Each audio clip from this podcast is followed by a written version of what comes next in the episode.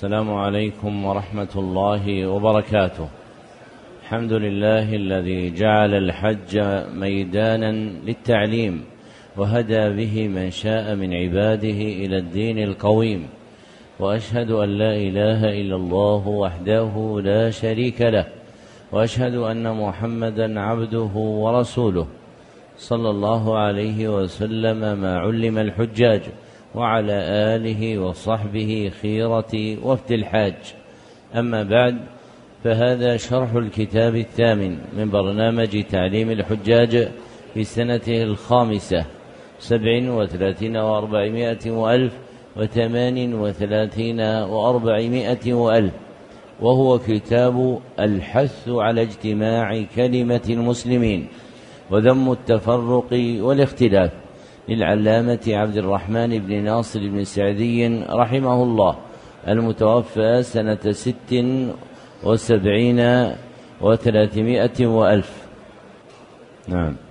بسم الله والحمد لله وصلى الله وسلم على نبينا محمد وعلى آله وصحبه أجمعين.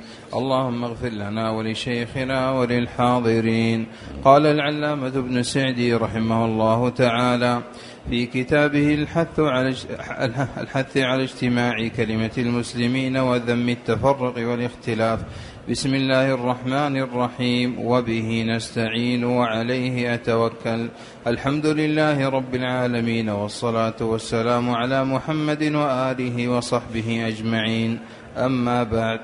فإن الله تعالى خلق خلقه من العدم وأوجدهم بعد أن لم يكونوا شيئا مذكورا ليعبدوه وحده لا شريك له ويطيعوه ويتقوه ومدار ذكره ومرجعه على أداء حقوقه وحقوق عباده اللازمة والمستحبة التي شرعها في كتابه وعلى لسان رسوله صلى الله عليه وسلم وهي شعب كثيرة وأقسام فمنها ما هو أصول ومنها ما هو أحكام ومنها ما هو قواعد كلية تندرج تحتها كثير تندرج تحتها كثير من الأحكام الجزئية. ومنها مقاصد ومطالب ومنها ما هو موصل إليها. وكلها ترجع إلى تحصيل المصالح وتكميلها وتعطيل المفاسد وتقليلها. فمن أعظم الأوامر الإلهية والشرائع السماوية والوصايا النبوية الاعتصام بحبل الله جميعا واتفاق كلمة المسلمين واجتماعهم وائتلافهم والحث على هذا بكل طريق موصل إليه من الأعمال والأقوال والتعاون على ذلك قولا وفعلا والنهي عن التفرق والاختلاف وتشتيت شمل المسلمين. والزجر عن جميع الطرق الموصلة إليه بحسب القدرة والإمكان. وقد دل على هذا الأصل العظيم الكتاب والسنة وإجماع الأنبياء والمرسلين وأتباعهم إلى يوم الدين. قال تعالى آمرا عباده بالتمسك بحبله الذي هو دينه والاجتماع عليه ناهيا لهم عن التفرق والاختلاف ممتنا على عباده بتوفيقه لهم لذلك. قال تعالى يا أيها الذين آمنوا اتقوا الله حق تقاته ولا تموتن إلا وأنتم مسلمون. واعتصموا بحبل الله جميعا ولا تفرقوا. واذكروا نعمة الله عليكم إذ كنتم أعداء فألف بين قلوبكم. فأصبحتم بنعمته إخوانا وكنتم على شفا حفرة من النار فأنقذكم منها.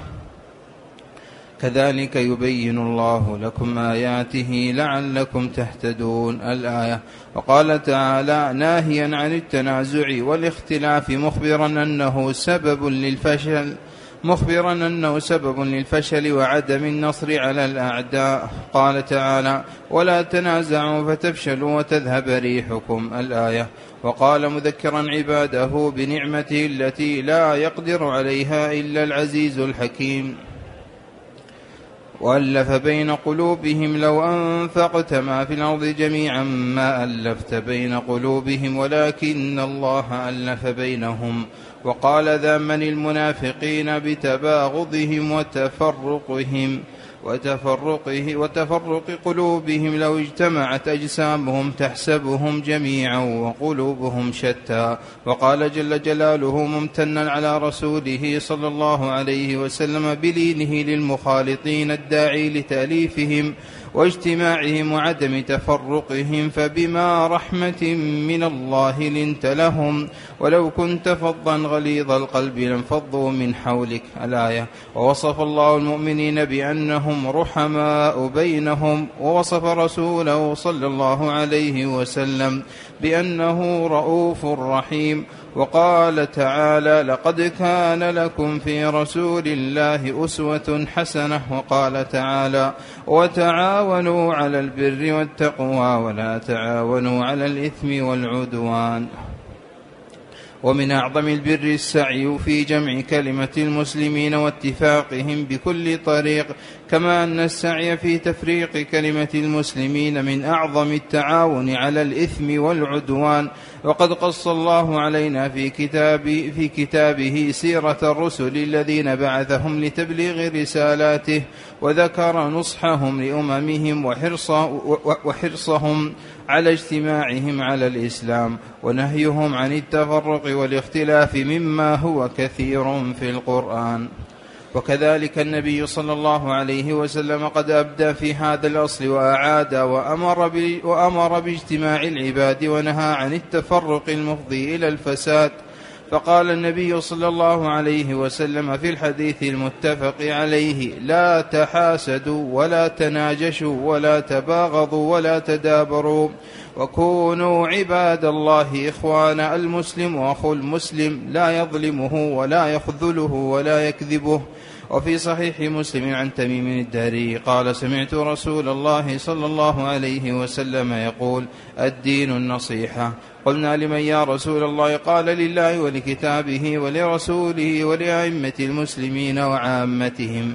ومن أعظم النصيحة للمسلمين السعي في تأليف قلوبهم واجتماعهم ونهيهم عن التفرق وقال صلى الله عليه وسلم في الحديث المتفق عليه للأنصار منبها لهم بمنة الله عليهم بهدايتهم واجتماعهم وغناهم بسببه يا معشر الأنصار ألم أجدكم ضلالا فهداكم الله بي متفرقين فجمعكم الله بي عالة فأغناكم الله بي كلما قال شيئا قالوا الله ورسوله أمن. وقال النبي صلى الله عليه وسلم وقال النبي صلى الله عليه وسلم محذرا لأصحابه عن تبليغه الكلام المغير المغير المغير المغير للقلوب. لا لا يبلغني أحد عن أحد شيئا فإني أحب أن أخرج إليكم وأنا سليم الصدر. وقال لما شاوره بعض أصحابه في قتل بعض في قتل بعض المنافقين لا يتحدث الناس أن محمدا يقتل أصحابه أي, أي, لما فيه من التنفير عن الإسلام لمن يسلم فتركهم وهم مستحقون للقتل تأليفا. وكان صلى الله عليه وسلم يوصي من يبعثه للدعاية لدين الإسلام وتعليم الشرائع فيقول فيقول صلى الله عليه وسلم بشروا ولا تنفروا ويسروا ولا تعسروا وتطاوعوا ولا تختلفوا. وقال صلى الله عليه وسلم ولا تختلفوا فتختلف قلوبكم. فأخبر أن الاختلاف الظاهر سبب لاختلاف الباطن. وقال صلى الله عليه وسلم إنما أهلك الذين من قبلكم كثرة مسائلهم واختلافهم على أنبيائهم. وكل هذه الأحاديث في الصحيح وتواتر عنه صلى الله عليه وسلم النهي عن الخروج على ولاة على ولاة الأمور. والسمع والطاعة لهم وإن ظلموا وعصوا وما ذاك إلا لما, إلا, إلا لما في الخروج عليهم من الشر العظيم. وقد أمر الله ورسوله باجتماع المسلمين في كثير من العبادات كالحج والأعياد والجمعة والجماعة لما في اجتماعهم من التوادد والتواصل وعدم التقاطع ونهى رسوله ونهى رسوله صلى الله عليه وسلم عن الغيبة والنميمة والسعاية والتقاطع والخيانة والحسد والحقد ونحوها لما فيه من الفساد وتشتيت العباد وأمر بإصلاح بين الناس بكل طريق حتى إنه أباح الكذب المتوصل به للإصلاح لما فيه من الصلاح. وبالجملة فمن تأمل سيرة الرسول صلى الله عليه وسلم في معاملاته للخلق مسلمهم, وكا مسلمهم وكافرهم قريبهم وبعيدهم من لين الجانب والسماحة التامة والخلق العظيم بالعفو عن أهل الجرائم وتأليف الخلق للدخول في دين الإسلام وإعطاء المؤلفة قلوبهم ليسلموا ويقوى إيمانهم وتركه كل ما فيه تنفير حتى أنه صلى الله عليه وسلم يترك الأفضل الأكمل ويفعل ما دونه مراعاة لقلوب الخلق. وقد كان وقد كان هم في وقد كان هم في بنيان الكعبة على قواعد إبراهيم فقال لعائشة لولا أن قومك حديث عهد بجاهلية لنقضت لنقضت قواعد الكعبة وجعلتها على قواعد إبراهيم.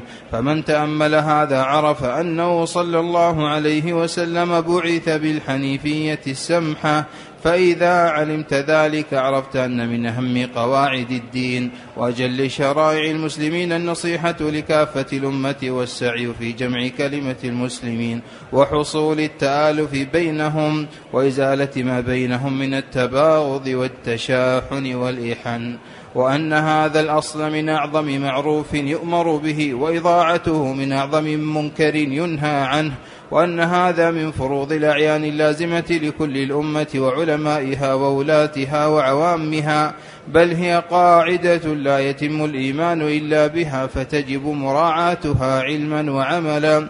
وإنما كان الأمر كذلك لما في ذلك من المصالح الدينية والدنيوية التي لا يمكن حصرها وفي إضاعته من المضار الدينية والدنيوية. ما لا يمكن عدها فلذلك عقدت لهذا فصلين. ابتدأ المصنف رحمه الله كتابه بالبسملة ثم ثنى بالحمدلة ثم ثلث بالصلاة والسلام على محمد صلى الله عليه وسلم وعلى آله وصحبه أجمعين. وهؤلاء الثلاث من آداب التصنيف اتفاقا. فمن صنف كتابا استحب له أن يستفتحه بهن. وقوله بعد البسملة وقوله بعد بعد المسبلة وبه نستعين وعليه أتوكل بمنزلة التابع اللازم لها. وهذه طريقة جماعة من أهل العلم يذكرون بعد البسملة شيئا من المعاني المضمنة فيها. فإن الباء في البسملة لملابسة ذكر الله سبحانه وتعالى وفي طي هذه الملابسة معان عدة منها المذكور في قول المصنف وبه نستعين وعليه أتوكل فالقائل بسم الله الرحمن الرحيم يلتمس من الله سبحانه وتعالى الاستعانة به والتوكل عليه فهي بمنزلة راتبة الصلاة بعدها تعد من أحكامها وإن كانت صورتها منفصلة عنها. فلا يقدح هذا في كون الإتيان بالحمدلة واقعا ثانيا. ثم ذكر المصنف رحمه الله أن الله سبحانه وتعالى خلق الخلق لأجل عبادته. ومدار هذه العبادة على أداء حقه سبحانه وتعالى وحقوق خلقه. فإن العبد مأمور بأن يعبد الله وحده لا شريك له بجعل ما يجعل من القرب والعبادات له وحده ومأمور بأداء حقوق الخلق إليهم. فإن الإنسان مدني بطبعه لا تستقيم حياته إلا بأنسه بغيره من أبناء جنسه ولا استقامة لهذه الحياة إلا بأداء الناس بعضهم إلى بعض حقوقهم. ثم ذكر رحمه الله أن تلك العبادة المضمنة حق الله وحق عباده ليست أفرادها على درجة واحدة. فهي درجات متفاوتة كما قال فمنها ما هو أصول ومنها ما هو أحكام ومنها ما هو قواعد كلية ومنها مقاصد ومطالب ومنها ما هو موصل إليها. فدرجات ما ورد في خطاب الشرع المتعلق بالعبادة سواء مما يتعلق بحق الله أو بحق خلقه هو في مراتب متباينة الدرجات. ثم ذكر أن هذه المراتب المختلفة على ما اشتملت عليه من أصول ومقاصد وقواعد وغيرها غايتها ترجع إلى تحصيل المصالح وتكميلها وتعطيل المفاسد وتقليلها. والمراد بالمصالح المنافع والمراد بالمفاسد المضار. فمدار الشريعة على جلب المصالح ودرء المفاسد. وهذا الجلب للمصالح نوعان. أحدهما في تحصيل أصولها والآخر في تكثير فصولها. أحدهما في تحصيل أصولها والآخر في تكثير فصولها. وأما درء المفاسد فهو كذلك قائم على أصلين. أحدهما دفع أصولها والآخر تقليل فصولها. فالشريعة جاءت تارة في المصلحة بجلبها أي بإحضارها. وتارة تكون المصلحة موجودة فتكثرها الشريعة. وكذلك في المفاسد جاءت الشريعة بدرئها أي بدفعها. وتارة لا يمكن دفعها فيطلب حينئذ تقليلها.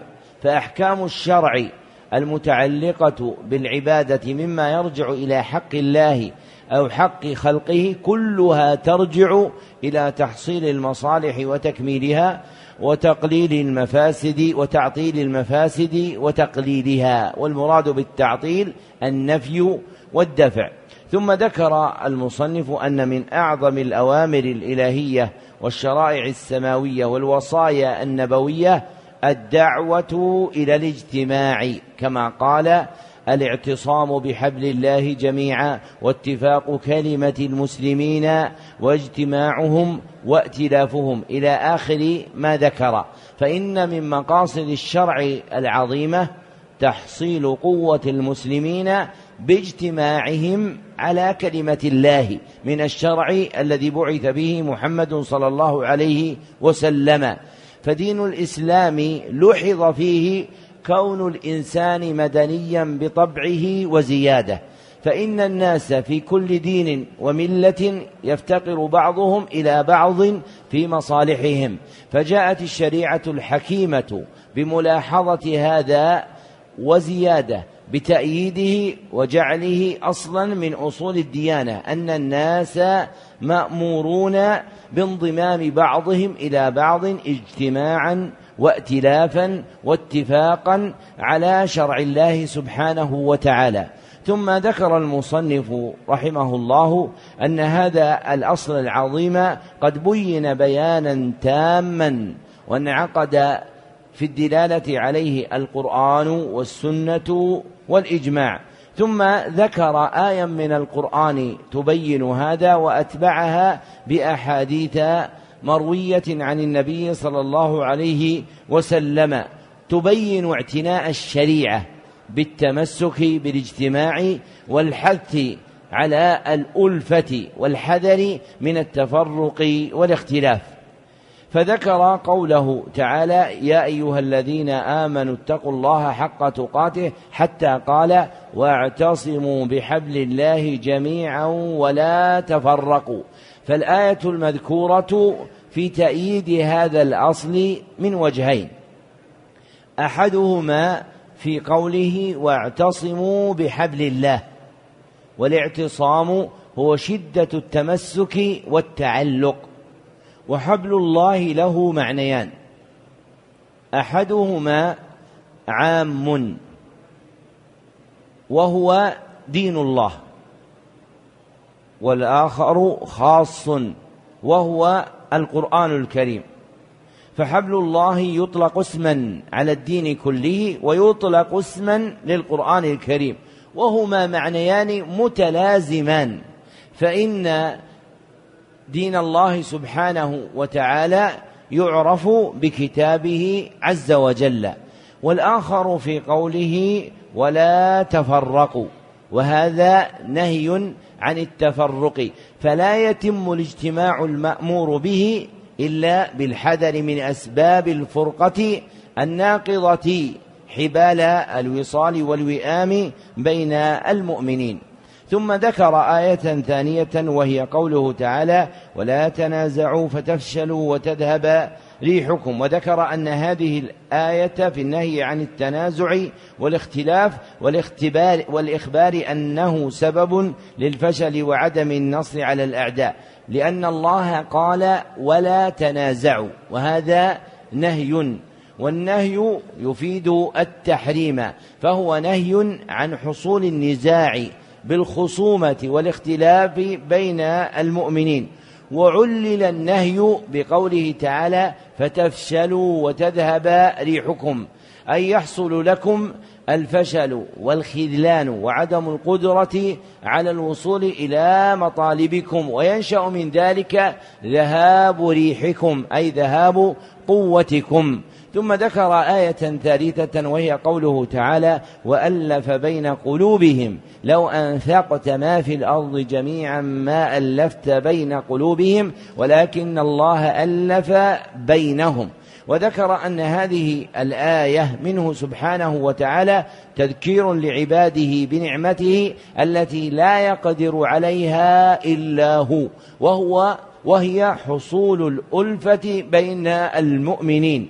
فإن إلف المؤمنين بعضهم بعضا لا يحصل بالأموال ولا بالسلاح وإنما يحصل بتوفيق الله سبحانه وتعالى وإعانته لهم على إلف بعضهم بعضا. ولذلك قال وألف يعني الله وألف بين قلوبهم. لو أنفقت ما في الأرض جميعا ما ألفت بين قلوبهم أي أن الرسول الذي بعث إليهم وهو محمد صلى الله عليه وسلم لو قدر أنه بذل الأموال العظام في التأليف بين قلوب هؤلاء لما أدرك ذلك لأن حصول الألفة بالمال ممتنع وإن وجد فهو منقطع. فإذا حصلت فإذا حصلت ألفة بين أحد مع غيره لأجل المال فإنها سرعان ما تذهب لأن الله عز وجل لم يجعل من أصول ما ينعقد به الوئام بين المؤمنين دفع الأموال بعضهم لبعض فإن المال خيال زائل ولا يبقى مما يوطد العلاقة بينهم إلا آصرة الإيمان ورابطته التي امتن الله بها على رسوله صلى الله عليه عليه وسلم فقال له ولكن الله ألف بينهم أي بما جعل في قلوبهم من الإيمان والتقوى. وحصول الألفة هو المعبر به في الشرع عن اجتماع المؤمنين وإن اختلفوا في شيء. فإن طبائع الناس مجبولة على الاختلاف فهم تارة يختلفون لأجل اختلاف جبلاتهم أو لأجل اختلاف بلدانهم أو لغير ذلك من أسباب الطبائع التي خلقت معهم فيختلفون بينهم اختلافا قدريا. لكن يبقى الأمر الجامع بينهم حصول الألفة وهو كون كل أحد من المؤمنين يعظم حق أخيه ويعرف قدره. وهذا المعنى هو الذي سمي في لسان المتأخرين بالوحدة الإسلامية.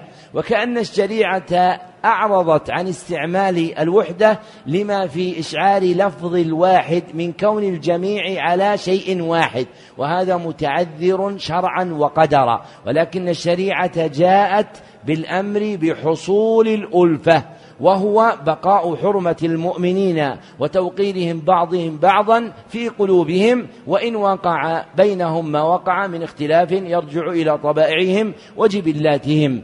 ثم ذكر آية ثالثة وهي قوله سبحانه وتعالى في ذم المنافقين تحسبهم جميعا وقلوبهم شتى فعلامة أهل النفاق أنهم في الصورة الظاهرة يظن أن بعضهم ينصر بعضا. كما قال تعالى والمنافقون والمنافقات بعضهم أولياء بعض. لكنهم باعتبار الحقيقة الباطنة كما أخبر الله سبحانه وتعالى عنهم في قوله تحسبهم جميعا وقلوبهم شتى. وهذا هو الجمع بين هاتين الآيتين. فقوله تعالى والمنافقون والمنافقات بعضهم أولياء بعض أي باعتبار الصورة الظاهرة.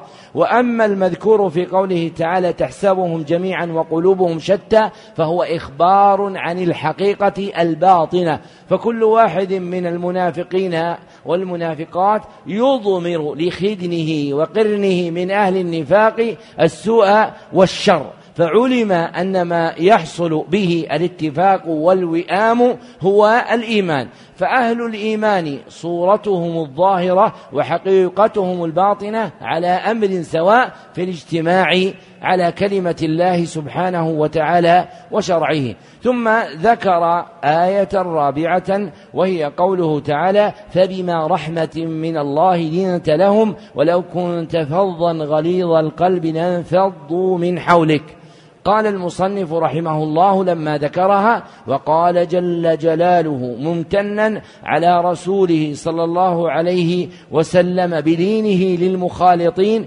الداعي لتأليفهم واجتماعهم وعدم تفرقهم. فجعل الله سبحانه في وصف رسوله صلى الله عليه وسلم من اللين والرفق والرحمة ما دعا نفوس الناس إلى الاجتماع عليه وحصول الألفة بينهم. وفي حديث مالك بن الحويرث في الصحيحين قال قدمنا على النبي صلى الله عليه وسلم فبقينا بضع عشرة ليلة وكان رؤوفا وكان رحيما رفيقا وفي لفظ وكان رحيما رقيقا. فرحمته صلى الله عليه وسلم ورفقه ورقته أكسبت من حوله حصول الألفة بينهم.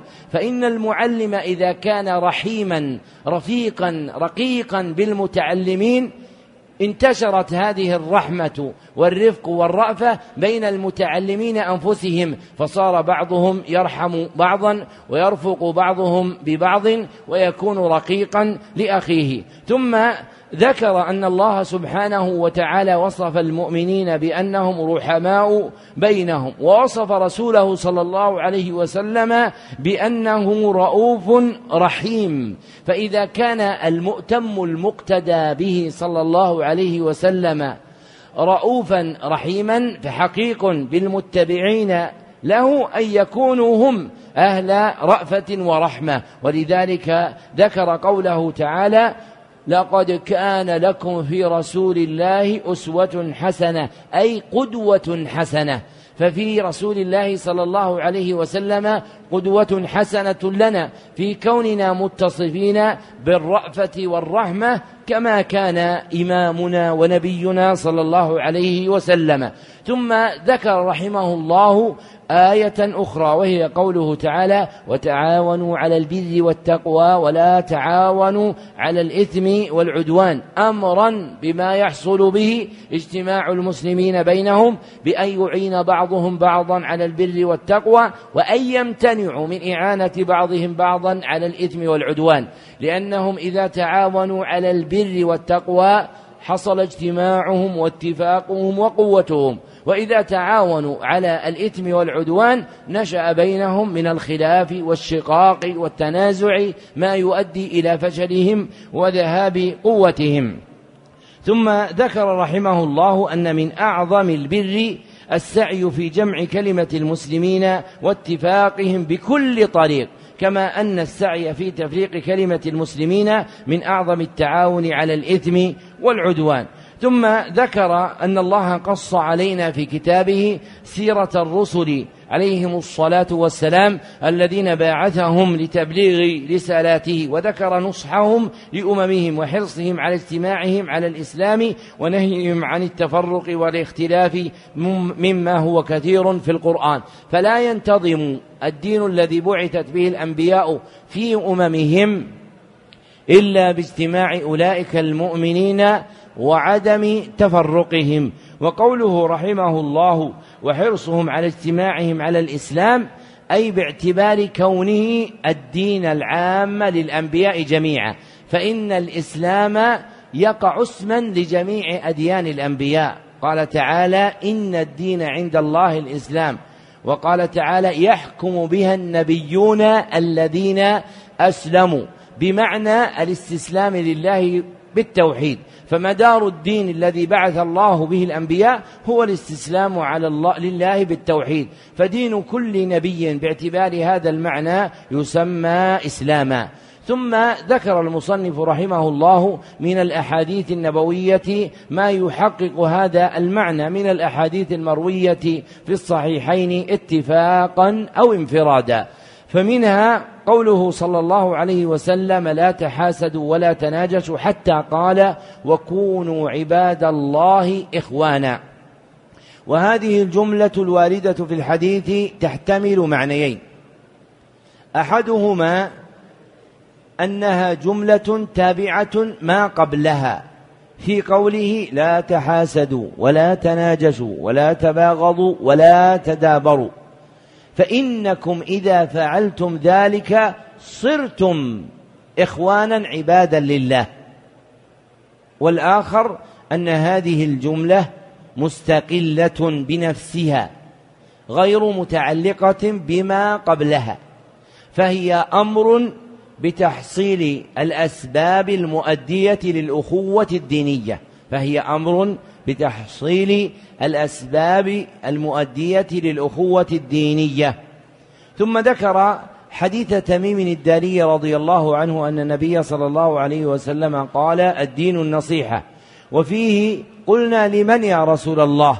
فقال لله ولكتابه ولرسوله ولأئمة المسلمين وعامتهم. قال المصنف رحمه الله ومن أعظم النصيحة للمسلمين السعي في تأليف قلوبهم واجتماعهم ونهيهم عن التفرق. انتهى كلامه.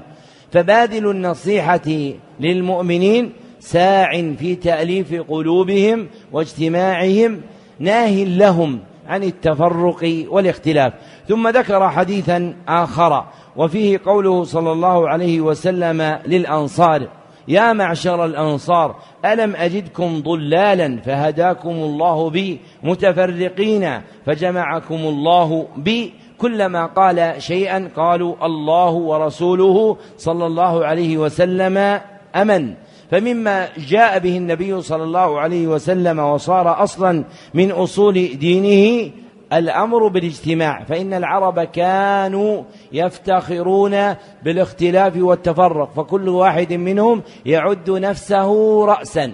فكان من أعظم مسائل الجاهلية التي خالف فيها النبي صلى الله عليه وسلم أهل الجاهلية أن أهل الجاهلية كانوا يمتدحون التفرق والاختلاف. فجاء النبي صلى الله عليه وسلم بمدح الاجتماع والائتلاف والامر به. ذكره إمام الدعوة رحمه الله في كتاب مسائل الجاهلية.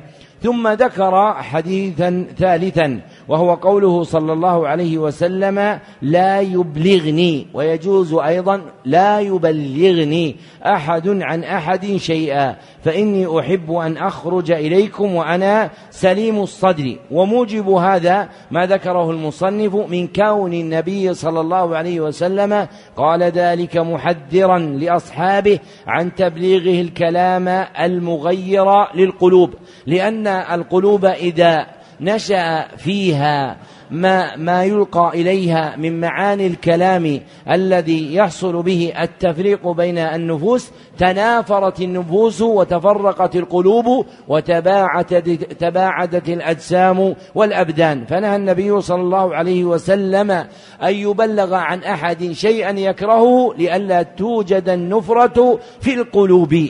وهذا منه صلى الله عليه وسلم تعليم وتأديب لنا فإننا أولى فإن النبي صلى الله عليه وسلم مؤيد بالوحي محفوظ من الوقوع في خلاف الشريعة. وأما نحن فقلوبنا عرضة لأن تستمع الآذان لشيء فيوقر في القلوب معنى ينفر به العبد من أخيه ولا حقيقة له.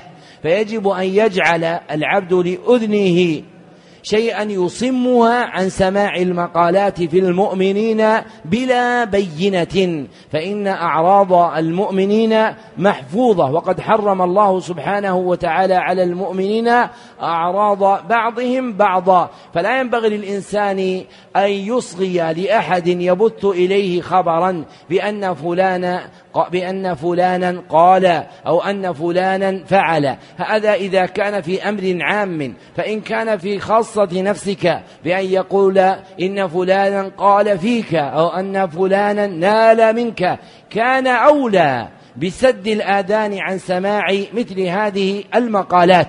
فإن العبد إذا عرف ربه لم يضره الناس والعبد مأمور بأن تكون مراقبته بأن تكون مراقبته لله وحده ولا يبالي بحديث الناس فإن الناس يقولون ويفعلون أشياء ثم ينقلبون ويرجعون عنها. فابن آدم ضعيف لا يملك قلبه الذي بين يديه فهو يحب أحدا اليوم ويبغضه غدا ويبغض أحدا اليوم ويحبه غدا لأنه لا يملك قلبه الذي بين جنبيه. فأولى بالعاقل أن لا ينظر إلى طلب ما في قلوب الناس ولكن ينظر إلى ما بينه وبين ربه.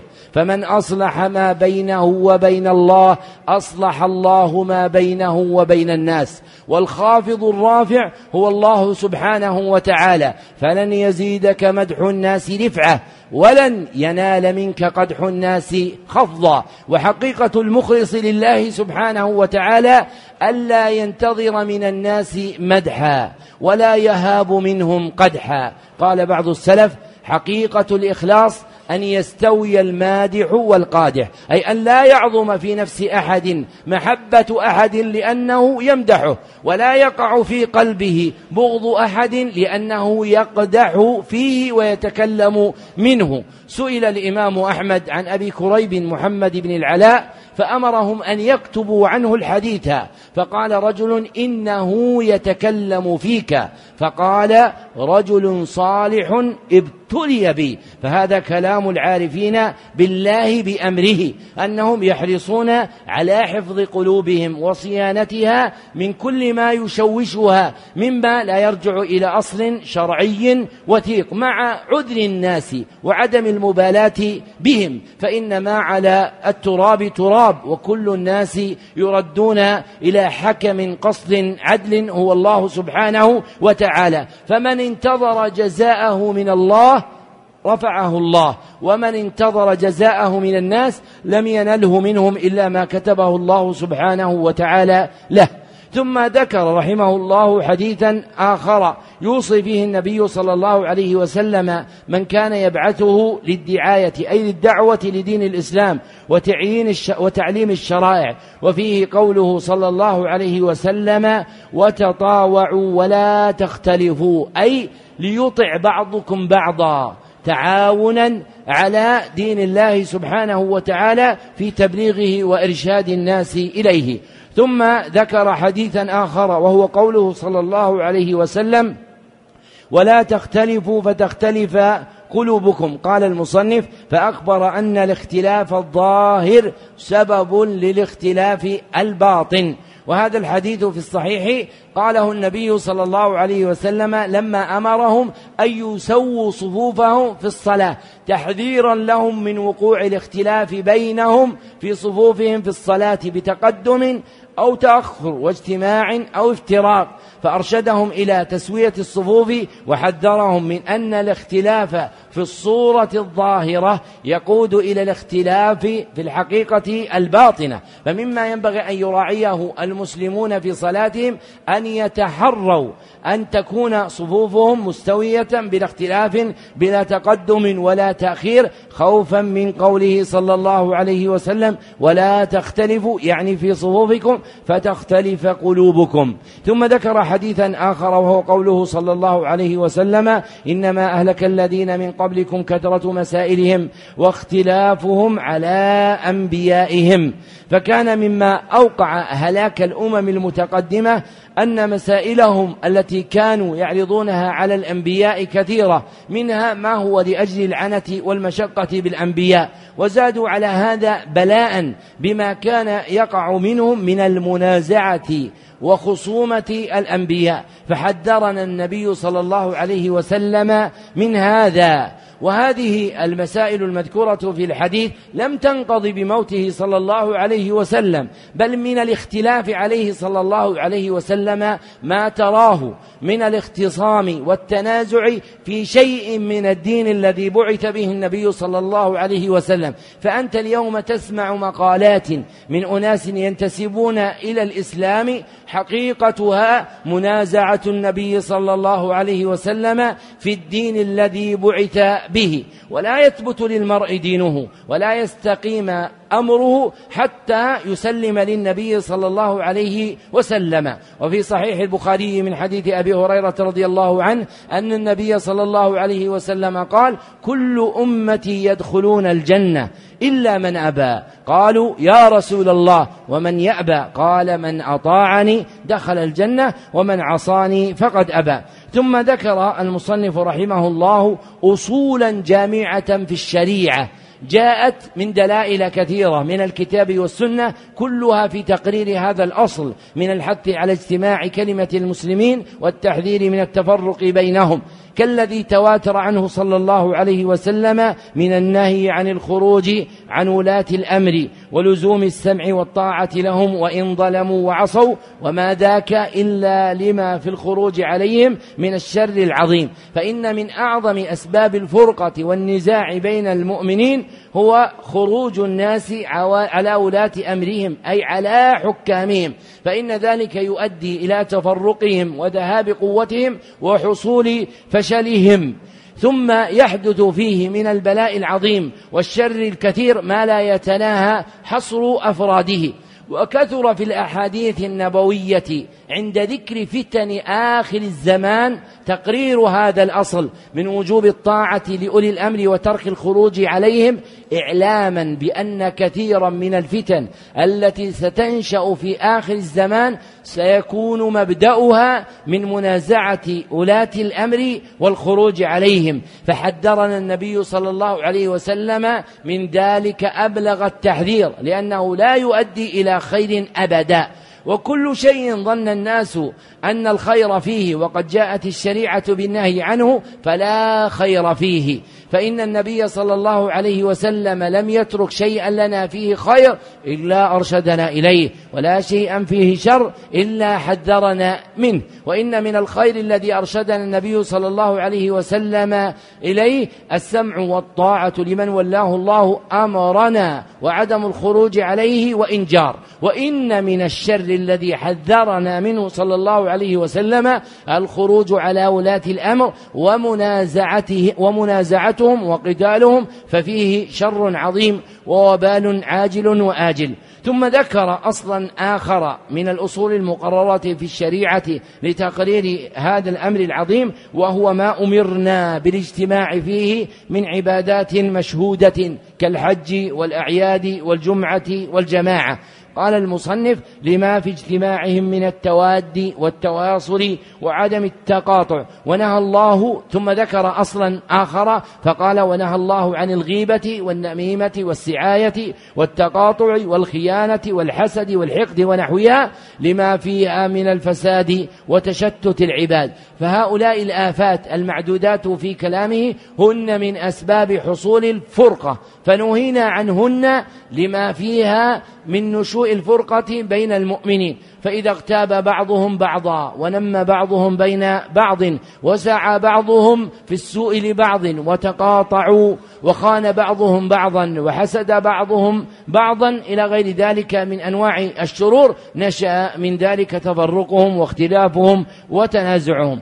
ثم قال المصنف قولا جامعا وبالجملة فمن تأمل سيرة الرسول صلى الله عليه وسلم في معاملاته للخلق مسلمهم وكافرهم قريبهم وبعيدهم من لين الجانب والسماحة التامة والخلق العظيم بالعفو عن أهل الجرائم وتأليف الخلق للدخول في, في دين الإسلام وإعطاء المؤلفة قلوبهم ليسلموا ويقوى إيمانهم وتركه كل ما فيه تنفير حتى إنه صلى الله عليه وسلم يترك الأفضل الأكمل ويفعل ما دونه مراعاة لقلوب الخلق.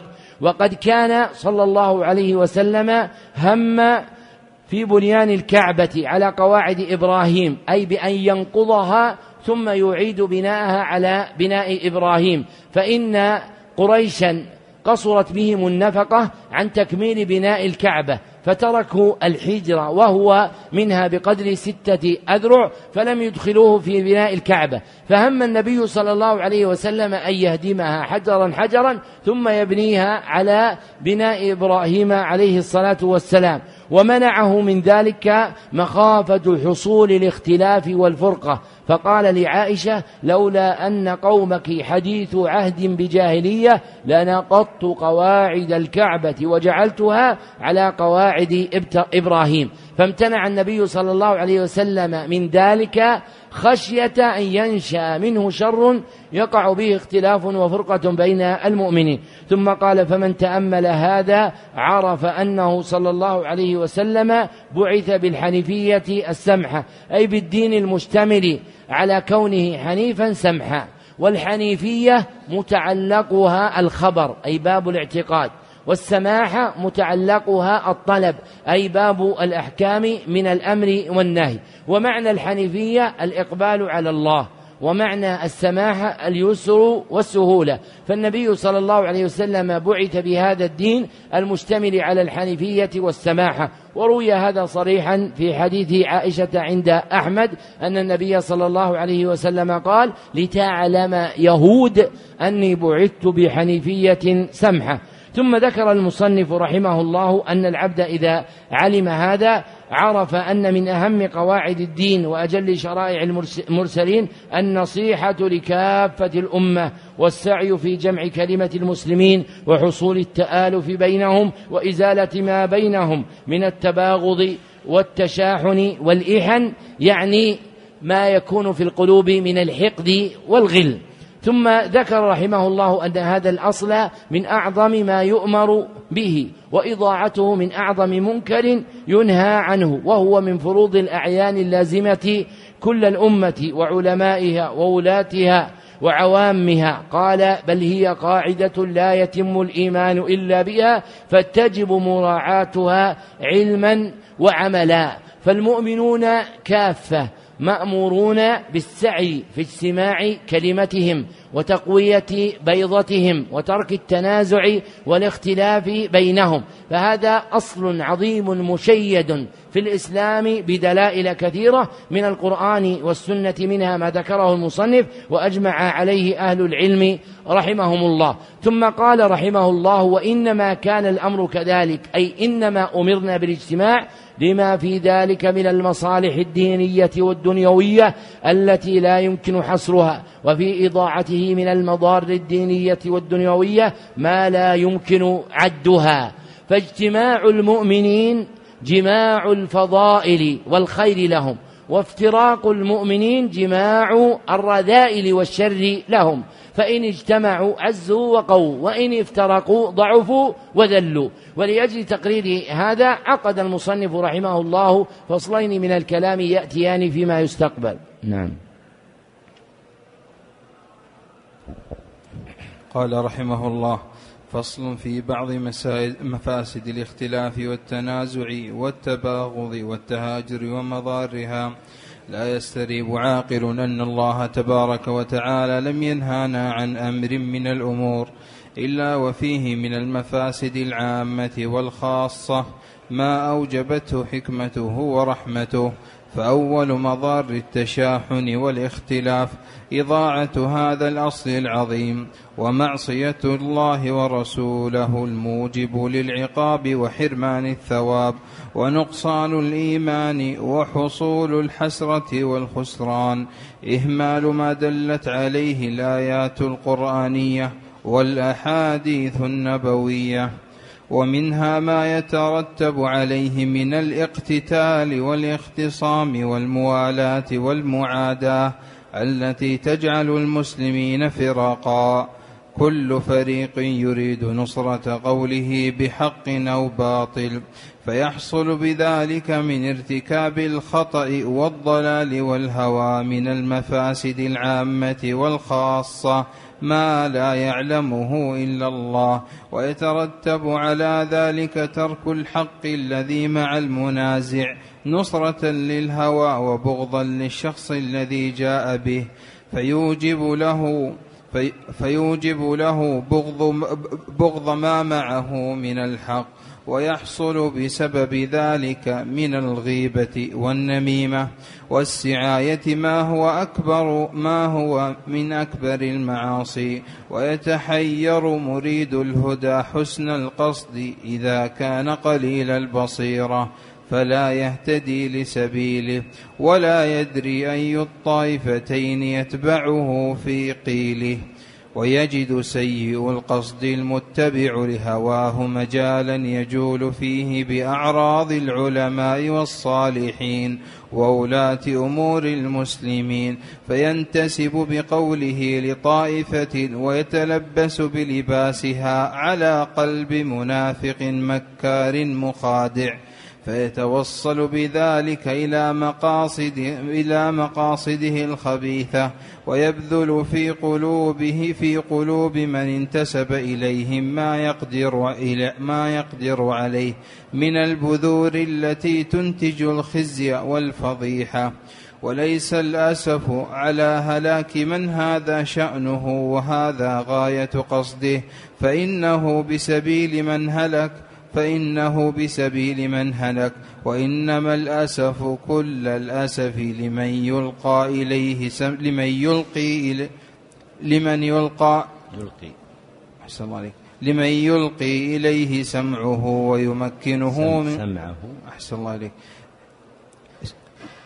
لمن يلقي إليه سمعه ويمكنه من قلبه ولبه ويصغي إليه ظانا نصحه وهو, وهو في الحقيقة أكبر عدو غاش. هذا بعض ما أنتجه الاختلاف ومنها أنه يستدرج بالمتفرقين إلى المباعدة والمهاجرة. حتى لا يتعلم بعضهم من بعض ولا ينصح بعضهم بعضا فيضيع من المصالح التي هم بصددها لو كانوا مجتمعين. ما هو من أهم الواجبات وأكبر القربات وأجل الطاعات. إلى غير ذلك من طمع أعدائهم بهم لتفرق كلمتهم وتشتت أمرهم. لما ذكر المصنف رحمه الله أن الشريعة جاءت بالأمر بالاجتماع والنهي عن التفرق عقد فصلين أحدهما في بيان مفاسد الاختلاف والافتراء والآخر في بيان مصالح ومنافع الاجتماع والائتلاف. وذكر في هذه الجملة الفصل الأول ذاكرا بعض مفاسد الاختلاف والتنازع والتباغض والتهاجر ومضارها مستفتحا كلامه ببيان أن الله لا ينهى عن شيء من الأمور إلا وفيه من المفاسد العامة والخاصة ما أوجبته حكمته ورحمته فالمنهيات الشرعية مشتملة على مفاسد علمناها أو لم نعلمها ويجب على العبد أن يسلم لأمر الله فينتهي عما نهاه الله ورسوله صلى الله عليه وسلم عنه.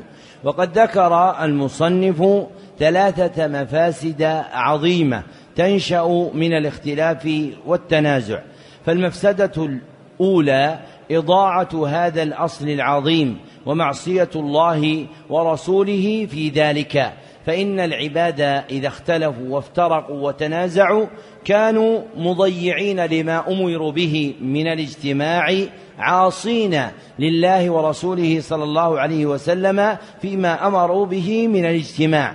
وكل معصية لله ورسوله صلى الله عليه وسلم ينشأ عنها من أنواع الفساد الباطن والظاهر ما لا يقدر العبد قدره. وكلما تزايد الناس في الاستمراء لهذه المفسدة زادت تلك المضار الناشئة منها عقوبة من الله لهم. والمفسدة الثانية ما يترتب على الاختلاف والتفرق من الاقتتال والاختصام والموالاة والمعاداة التي تجعل المسلمين فرقا. فإن المسلمين إذا افترقوا واختلفوا تحزبوا فصار لكل طائفة منهم قول تدين به ومعظم تقدمه وتقتدي بقوله وفعله فينقلبون شيعا وفرقا ويفارقون ما أمروا به في الشرع من الاجتماع. قال تعالى إن الذين فرقوا دينهم وكانوا شيعا لست منهم في شيء. أي أن هؤلاء المفرقين دينهم الذين انقسموا إلى فرق وأحزاب فالنبي صلى الله عليه وسلم ودينه براء من حال هؤلاء. فينشأ من اختلاف المؤمنين افتراقهم وتصيرهم فرقا واحزابا. كل فرقة فرحه بما هي عليه. ثم ذكر رحمه الله تعالى أن مما ينشأ من هذه المفسدة أن أولئك المفترقين يتخذون من معظميهم ما ينصرون قوله على كل حال اتباعا للهوى ويأبون ما يأتيهم من غيره بغضا للحق الذي يجيء من شخص لا يوالونه ولا يميلون إليه. ويكثر بينهم بسبب ذلك الغيبة والنميمة والسعاية فيما هو أكبر من ذلك من المعاصي. ثم ذكر أن الناس حينئذ يكونون طائفتين فطائفة حسنة القصد مريدة الهدى فتتحير مع قلة البصيرة ولا تهتدي إلى الحق. فإن في هذه الطائفة حق وفي تلك الطائفة حق ويضيع الحق بسبب نزاعهم واختلافهم. والطائفة الثانية طائفة سيئة القصد متبعة أهواءها. تجد وجود النزاع والخلاف بين المؤمنين مجالا خصبا ومرتعا مناسبا للوقيعة في ولاة الأمر والعلماء والصالحين. فيخرجون غيبتهم ونميمتهم مخرج الانتصار للحق. وحقيقة أمرهم أنهم لا يريدون نصرة حق وإنما يريدون نصرة أهوائهم. ولذلك تجد أن ما يدينون به يتقلب. فتارة يدينون بشيء موافقة لمحبوبهم وتارة ينزعون عنه لأن محبوبهم أو من يعظمه وقع فيه. وكلا الطائفتين زائغة عن الهدى. فإن العبد مأمور بأن يتبع الحق الذي في كلام الله وكلام رسوله صلى الله عليه وسلم فإننا أمرنا بتعظيم كلامهما واتخاذه دينا. وما عدا ذلك فإنه يؤخذ من قوله ويرد. كما قال الإمام مالك ما من أحد إلا يؤخذ من قوله ويرد وتروى أيضا عن الحكم بن عتيبة بإسناد صحيح بل عن ابن عباس وفي إسناده مقال ثم قال رحمه الله متحدثا بلسان فصيح عن حال موجعة أليمة وليس الأسف على هلاك من هذا شأنه أي ممن يشيع الشر بين المؤمنين وله في باطنه خداع وهوى. قال وهذا غاية قصده فإنه بسبيل من هلك وإنما الأسف كل الأسف لمن يلقي إليه سمعه ويمكنه من قلبه ولبه ويصغي إليه ظان النصح وهو في الحقيقة أكبر عدو غاش. أي أنه يقع في الناس من يخدع بمن يشيع السوء بين الناس ولا إرادة له إلا نشر الشر بينهم. فيظنه ناصحا فيقلد قوله فيقع بسبب ذلك في شر عظيم. والمخرج من هذا ما أرشد الله إليه بقوله وإذا جاءهم أمر من الأمن أو الخوف أذاعوا به ولو ردوه إلى الرسول وإلى أولي الأمر منهم لعلمه الذين يستنبطونه منهم. فالمخرج أن يرد العبد الأمر الذي تنازع فيه الناس وصاروا أشتاتا إلى من بيده الأمر.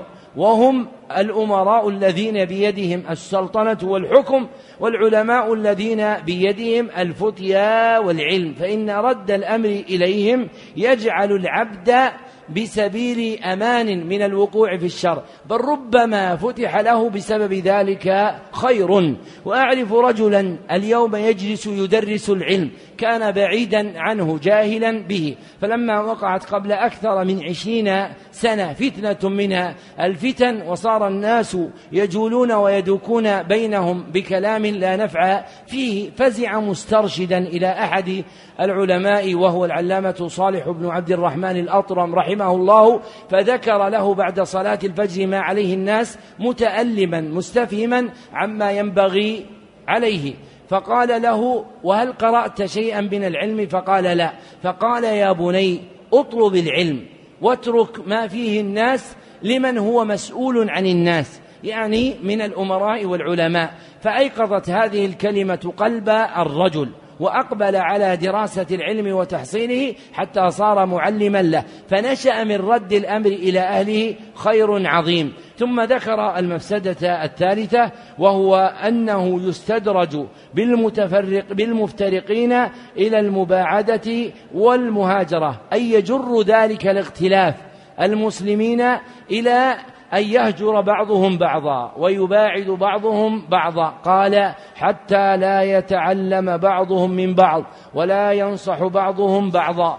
فيصبح من المصالح فيضيع من المصالح التي هم بصددها لو كانوا مجتمعين ما هو من أهم الواجبات وأكبر القربات وأجل الطاعات إلى غير ذلك مما ذكره المصنف رحمه الله تعالى من الأحوال المرذولة الناقصة التي تنشأ من استدراج الخلق إلى التهاجر والتباعد إذا افترقوا واختلفوا.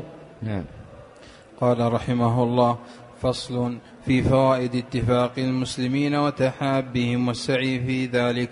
وهذا هو المطلوب وهذا هو المطلوب المقصود الذي جرى الكلام لأجله وهو المقصد الذي فيه يرغب المصلحون وإليه شمر المشمرون وبه تنافس المتنافسون ولمثله فليعمل العاملون. لما اشتمل عليه من المصالح العظيمة والمهمات الجسيمة وبالجملة فجميع المفاسد التي ذكرت والتي لم تذكر في, في مفاسد التهاجر والتباغض والتدابر بهذا الأمر تزول وتصل بصاحبها إلى كل خير وتؤول وفي وتؤول في فيه تحصيل فيه تحصيل فبه, فبه صح هو فبه تحصل الخيرات.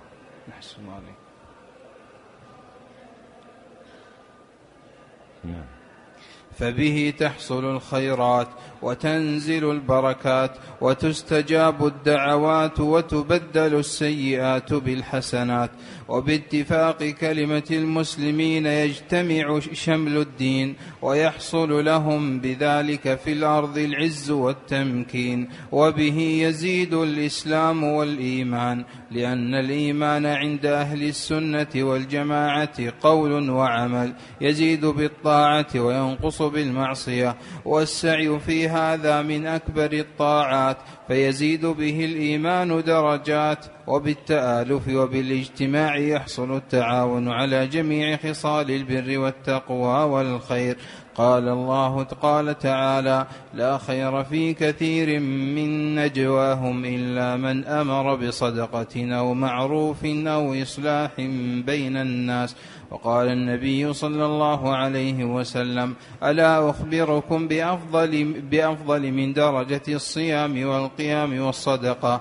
قالوا بلى يا رسول الله. قال إصلاح ذات البين فإن فساد ذات البين هي الحالقة. وفي رواية لا أقول حالقة الشعر ولكن حالقة الدين.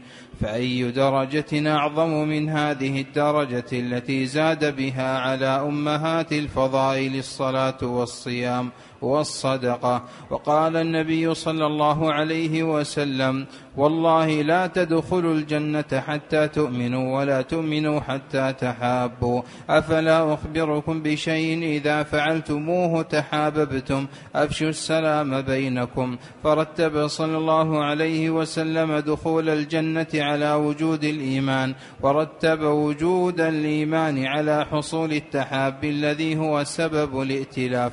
ونبه على ونبه ونبه على الدواء لهذا بإفشاء السلام لأن لين الكلام الذي من الذي من الذي من أجله إفشاء السلام. الله عليك.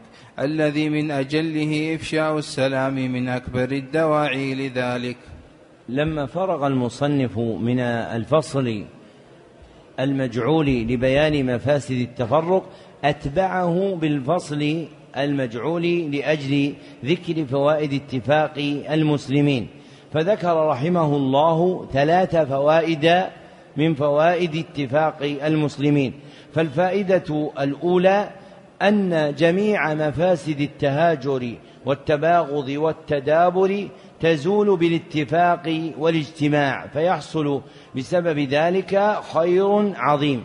والفائدة الثانية أن اتفاق كلمة المسلمين يجتمع به شمل الدين ويحصل بذلك في الأرض العز والتمكين. فإذا اجتمع المؤمنون وائتلفوا عزوا وأمكنهم الله سبحانه وتعالى من عدوهم فصاروا ظاهرين. والفائدة الثالثة تقوية الدين. فباجتماع المسلمين يقوى دينهم كما قال وبه يزيد الإسلام والإيمان لأن الإيمان عند أهل السنة والجماعة قول وعمل يزيد بالطاعة وينقص بالمعصية.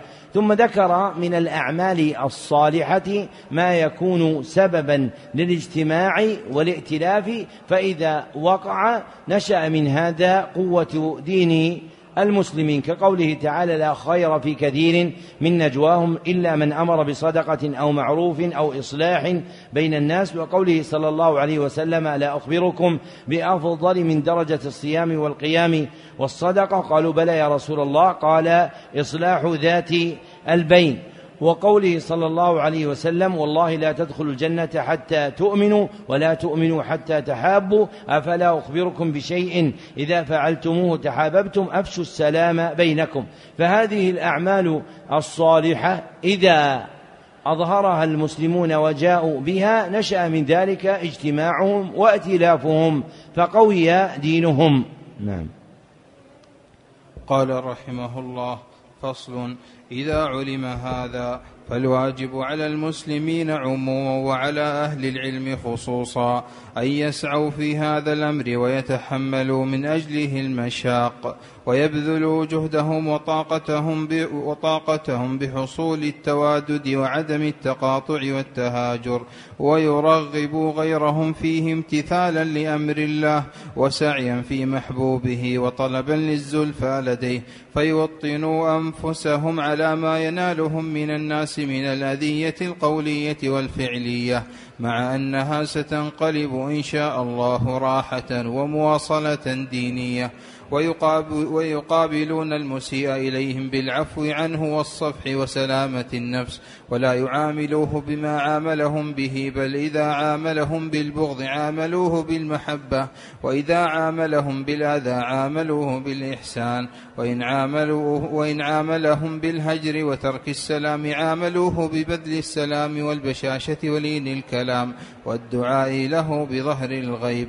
ولا يطيع أنفسهم الأمارة بالسوء بمعاملته من جنس ما عاملهم به فليست هذه حالة الأنبياء وأتباعهم بل حالهم العفو والصفح عن أهل الجرائم كما ذكر النبي صلى الله عليه وسلم عن حال النبي الذي ضربه قومه حين دعاهم إلى الله حتى أدموه فجعل يمسح الدم عن نفسه عن نفسه عن وجهه ويقول اللهم اغفر لقومي فإنهم لا يعلمون. هذا والله الفخر الكامل الذي يبني لصاحبه في الدنيا الثناء الجميل وفي الآخرة الثواب الجزيل. قال تعالى ولا يجرمنكم شنان قوم أن صدوكم عن المسجد الحرام أن تعتدوا ويحث على مقابلة المسيء بالعفو في قوله تعالى ولئن صبرتم لهو خير للصابرين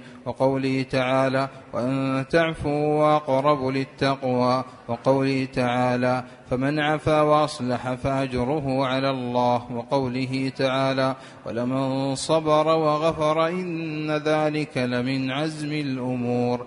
فإذا وفق المسلمون لهذه الحالة جمع الله شملهم وألف بين قلوبهم وهداهم سبل السلام وأخرجهم من ظلمات الجهل والظلم والضلال إلى نور العلم والعدل والإيمان.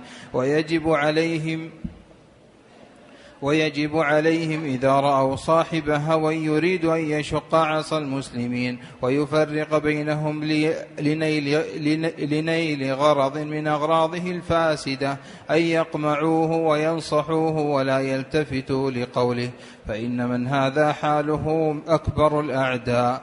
وأن يحرصوا غاية الحرص على ستر عورات المسلمين وعدم, وعدم تتبعها خصوصا ما يصدر من رؤساء الدين والعلماء وطلبة العلم الذين لهم الحق الأكبر على جميع المسلمين بما قاموا به من علم من علم الشرع وتعليمه. الذين لولاهم ما عرف الناس أمر دينهم ومعاملاتهم فلولاهم لم يعرفوا كيف يصلون ويزكون ويصومون ويحجون بل لا يعرفون يبيعون ويشترون بل لولاهم لكان الناس كالبهائم لا يعرفون معروفا ولا ينكرون منكرا ولا عرفوا حلالا ولا حراما. فالواجب على المسلمين احترامهم وكف الشر عنهم وكف الشر عنهم. وقمع من يريدهم بأذى والتغاضي مما يصدر منهم بستره وعدم نشره لأن نشره فساد عريض. واعلم أن للخير, للخير والشر علامات يعرف بها العبد. فعلامة سعادة الإنسان أن تراه قاصدا للخير لكافة المسلمين. حريصا على هدايتهم ونصيحتهم بما يقدر عليه من أنواع النصح مؤثرا لست مؤثرا لستر عوراتهم وعدم إشاعتها قاصدا بذلك وجه الله والدار الآخرة. وعلامة شقاوة العبد أن تراه يسعى بين الناس بالغيبة والنميمة ويتتبع عثراتهم ويتطلع على عوراتهم فإذا سمع بشيء صدر منهم من المكروه أشاعه وأذاعه. بل ربما نشر معه شرحا من ابتداعه.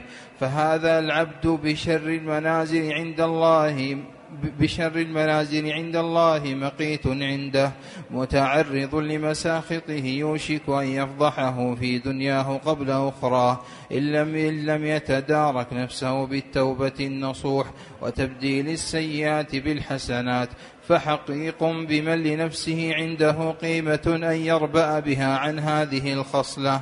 عن هذه الخصلة الذميمة ويتأمل معنى قوله صلى الله عليه وسلم من ستر مسلما ستره الله في الدنيا والآخرة وقوله صلى الله عليه وسلم يا معشر من آمن بلسانه ولم يدخل ولم يدخل الإيمان في قلبه لا تؤذوا المسلمين ولا تتتبعوا عوراتهم فإنه من يتبع عورة أخيه يتبع الله عورته ومن يتبع الله عورته يفضحه ولو في جوف بيته. هذا الوعيد الشديد في عموم المسلمين وأما العلماء والصالحون فالوقوع بهم أقبح وأقبح وهو علامة على معاداة الله ومحاربته. لأن الله لأن الله قال على لسان رسوله صلى الله عليه وسلم من عادى لي وليا فقد آذنته بالحرب. وقد قال بعض السلف إن لم يكونوا العلماء أولياء الله فلا أدري من هم أولياؤه. وصدق رحمه الله. فإن ولاية الله إنما تنال بحسب قيام العبد بأوامر الله تعالى. ولأهل العلم من هذا أكبر نصيب فإنه لا يكاد ينال العبد طرفا من العلم يصير فيه رئيسا حتى يجتهد ويجد ويمضي عليه زمن طويل وهو متجرد لطلب العلم تاركا لما عليه أهل الدنيا مستغرقا لأكثر أوقاته وأشرف ساعاته بالاشتغال بالعلم الذي هو بنفسه أجل الطاعات. وهم أحرى بولاية الله من غيرهم. فكيف يمكن فكيف يمكن بالقدح فيهم من غلبت عليه الشقاوة وأفنى زمانه بال يمكن؟ أحسن الله عليك فكيف يمكن بالقدح في من غلبت عليه الشقاوة وأفنى زمانه بالقيل والقال ولم يضرب مع الصالحين بسهم من نفائس الأعمال فلا تراه باحثا عن أمر دينه ولا مجالسا للعلماء على وجه الاستفادة منهم بل لو سئل عن أدنى مسألة من أمر دينه لم ينطق ببنت شفاه ومع هذا فقد أطلق لسانه بثلب العلماء وأهل الدين زاعما فيما قاله أنه مصيب. نعم قد أصاب طريق أهل الشر والتحق بالحيوانات الخسيسة التي تترك الأطعمة الطيبة وتذهب إلى الجيفة ونحوها من الأطعمة الخسيسة لتركه المحاسن وإقباله على ما ظنه على ما ظنه مساوئ. وانحرف عن طريق أهل الخير فليس بكفء أن يذكر معهم وإنما يذكر لئلا لئلا يغتر به المغترون ويقع بشبكته الجاهلون ولعله يرتدع ويتوب ويقلع إلى ربه وينيب.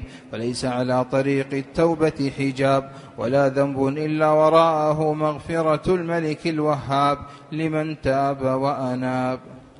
لما فرغ المصنف رحمه الله من الفصلين السابقين في ذكر ثلاث مفاسد من مفاسد الافتراق والتنازع وثلاث فوائد من فوائد الاجتماع والائتلاف شرع يحث على تقرير هذا الأصل والقيام به فقال إذا علم هذا فالواجب على المسلمين عموما. وعلى أهل العلم خصوصا أن يسعوا في هذا الأمر ويتحملوا من أجله المشاق ويبذلوا جهدهم وطاقتهم إلى آخر ما ذكر. فحقيق بكل مريد الخير لنفسه وللمؤمنين أن يكون ساعيا في جمع كلمتهم محذرا لهم من الاختلاف والتفرق. وقال في الإعانة على وجود هذا المسلك في نفوس الداعين إليه؟ قال ويقابلون المسيء إليهم بالعفو عنه والصفح وسلامة النفس. فإن الإنسان لا يخلو من ضد مخالف ولو كان في راسه جبل كما قال ابن الوردي وقال ابن مسعود رضي الله عنه من ظن أنه يسلم من الناس فهو مجنون رواه الدارمي فحقيق بمريد الخير إذا أسيء إليه ألا يعامل المسيء بما عامله به من الإساءة بل يعامله بالبر والإحسان إليه. قال ولا يطيع أنفسهم الأمارة بالسوء بمعاملته من جنس ما عاملهم به. فإن نفس الإنسان إذا ظلم وأسيء إليه دعته إلى معاملة ظالمه والمسيء إليه بجنس ما فعل. والعاقل المريد للخير الراغب في الدرجات العلى يحمل نفسه على تخليصها من هذه الإرادة السيئة وملئها بإرادة الخير لمن أساء إليه. فهي حال الأنبياء وكمل الخلق. فإنهم يعفون عمن أساء إليهم فيزيدهم الله سبحانه وتعالى بذلك رفعة. قال صلى الله عليه وسلم وما ازداد عبد بعفو إلا عزا رواه مسلم. ثم ذكر من مثل ذلك قصة النبي الذي كان في أمة من قبلنا أنه عليه الصلاة والسلام لما دعا قومه فضربوه بالحجارة وأدموا وجهه وجسده كان يمسح الدم عن وجهه ويقول اللهم اغفر لقومي فإنهم لا يعلمون. وهذا غاية الطهارة القلبية أن العبد لا يضمر السوء والشر لمن بادره به مع جهله وعدم إدراكه لما يريده داعيه إلى الخير من أنواع البر والإحسان التي تخفى عليه. وبلوغ هذه الغاية يحصل به العبد في الدنيا الثناء الجميل وفي الآخرة الثواب الجزيل. كما ذكر المصنف آية وأحاديث في هذا المعنى ومنها قوله تعالى ولا يجرمنكم شنآن قوم أن صدوكم عن المسجد الحرام أن تعتدوا قال وقال تعالى ولئن صبرتم لهو خير للصابرين وقال تعالى وأن تعفوا أقرب للتقوى وقال تعالى فمن عفا وأصلح فأجره على الله إلى غير ذلك من الآيات العظيمة التي تبين أن من عفا وصفى عن الناس ولم يبادلهم بالسوء الذي يبتدرونه به فإن الله سبحانه وتعالى يجعل له المقام الكريم والمنزلة الرفيعة في الدنيا والآخرة. وبلوغ هذه الحال شاق على النفوس فإن النفس مطبوعة على الظلم والجهل. قال تعالى وكان ظلوما جهولا في وصف الإنسان في آخر سورة الأحزاب فيدعوه ظلمه وجهله إلى الوقيعة في من أساء إليه. لكن إذا راض العبد نفسه على الأخلاق الفاضلة وهذبها من أنواع الفساد القلبي بأن لا يلتفت إلى الناس ولا يريد منهم شيئا فمهما أساءوا إليه فإنه يعامل بإساءتهم الله سبحانه وتعالى فهو يعفو عنهم رجاء إحسان الله. قال تعالى وهل جزاء الإحسان إلا الإحسان؟ وإذا أردت أن تعرف مشقة ذلك فاطلبه في نفسك في حق من أساء إليك أو ظلمك أو اعتدى عليك. في عرض أو في مال أو في غير ذلك فإنه يشق على النفس مشقة شديدة. لكن النفوس الطاهرة تقوى على هذا. فهذا محمد صلى الله عليه وسلم طرده قومه وضربوه ووضعوا سل الجزور على ظهره وقتلوا عمه حمزة رضي الله عنه فلما قدر عليهم النبي صلى الله عليه وسلم ودخل مكة منصورا عفى عنهم ولم يؤاخذهم بجريرة ما سبق من أفعالهم. وذلك لكمال طهارة نفسه صلى الله عليه وسلم وعدم ملاحظته الخلق. وفي أخبار أحمد بن محمد بن عبد الهادي صاحب ابن تيمية أنه اجتمع يوما مع أخدانه وأقرانه من أصحاب ابن تيمية وكان منهم رجل مقدم في العلم يقال له ابن قاضي الجبل وكان أكبر من ابن عبد الهادي سنا وأوسع في علم الفقه خاصة. فلما تنازع في مسألة غضب ابن قاضي الجبل فجمع بصاقه ثم بصق في وجه ابن عبد الهادي. شوف المشهد يعني جمع البصاق ثم تفل في وجهه فمسحها ابن عبد الهادي على وجهه وقال طاهر بإجماع المسلمين. مسح مسح البصاق الذي وقع على وجهه وقال طاهر بإجماع المسلمين. ولذلك مع أن هذا الرجل مات صغيرا قريبا من الأربعين وليس له إلا تصانيف يسيرة إلا أن الله أبقى النفع الكثير بهذه التصانيف وجعل فيها البركة. وبلوغ هذه الغاية يحتاج إلى دوام مجاهدة بنزع العبد نفسه من الطينية والصعود بها في مراقي التزكية بمعاملة الله سبحانه وتعالى وألا ينتظر من الناس شيئا. فخيرهم وشرهم إليه سواء لأنه يعامل بذلك الله. فما وصله من خيرهم فبفضل الله وما وصله من شرهم فمن نفسه أي من معاصيه التي كسبها فعجلها الله إليه بهذه الفتن التي تعرض له في نفسه ودينه. ثم قال المصنف فإذا وفق المسلمون لهذه الحالة يعني من العفو ومعاملة من أساء إليهم بالإحسان جمع الله شملهم وألف بين قلوبهم وهداهم سبل السلام إلى آخر ما قال. ثم قال ويجب عليهم إذا رأوا صاحب هوى يريد أن يشق عصا المسلمين أن يسعى بالتفريق بينهم قال أن يقمعوه أن يمنعوه من الشر الذي هو فيه وينصحوه ولا يلتفتوا لقوله فإن من هذا حاله أكبر الأعداء. فالساعي في تفريق المؤمنين وبث الفرقة بينهم ونشر المساوي فهذا من نواب إبليس في الأرض. ثم قال وأن يحرصوا غاية الحرص على ستر عورات المسلمين وعدد عدم تتبعها. والعورات اسم لما يكره الإنسان صدوره عنه. فالعورة شيء مبغوض مكروه يكره الإنسان أن يصدر منه ذلك. فإذا وقع منه فقد أصاب عورة كمسلم يشرب خمرا أو يقع في فجور أو غير ذلك. فالعبد إذا اطلع على شيء من عورات المسلمين سترها ولم يتتبعها ليكشفها. ويتأكد هذا كما قال فيما يصدر من رؤساء الدين والعلماء وطلبة أهل العلم.